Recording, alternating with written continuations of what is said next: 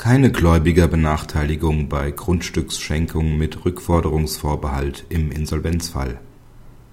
Ein Schenkungsvertrag über ein Grundstück, in dem zugleich ein durch Vormerkung gesicherter Rückübertragungsanspruch für den Fall des Vermögensverfalls oder der Insolvenz des Begünstigten vereinbart wird, ist im Insolvenzverfahren über das Vermögen des Begünstigten mangels objektiver Gläubigerbenachteiligung nicht anfechtbar Eltern hatten ihrem Sohn im Wege der vorweggenommenen Erbfolge ein Grundstück übertragen und sich im Übergabevertrag einen durch Vormerkung gesicherten Rückübertragungsanspruch für den Fall vorbehalten, dass der Sohn insolvent werden sollte. Nachdem der Insolvenzfall tatsächlich eingetreten war, war über die Frage zu entscheiden, ob die Grundstücksübertragung wegen gläubiger Benachteiligung gemäß 129 INSO anfechtbar ist in diesem Fall stünde den Eltern am Grundstück kein Aussonderungsrecht zu. Nach Ansicht des BGH waren der Rückübertragungsanspruch der Eltern und die diesen vorrangig sichernde Auflassungsvormerkung nicht gemäß § 129 fortfolgende INSO anfechtbar.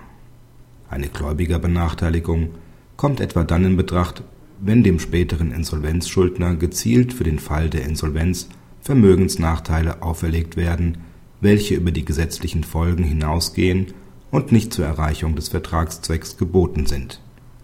In diesem Fall ist es gerechtfertigt, einer einzelnen Klausel, die die Ausgewogenheit des Vertrags speziell für den Fall der Insolvenz zum Nachteil des Schuldners verletzt und schon dadurch die Gläubiger benachteiligt, die Wirkung zu versagen. Auf eine Schenkung zum Vorteil des Schuldners sind die Grundsätze der Gläubigeranfechtung dagegen nicht anwendbar Entscheidend im streitgegenständlichen Fall ist, dass der Grundbesitz niemals einem unbeschränkten Zugriff der Gläubiger ausgesetzt war.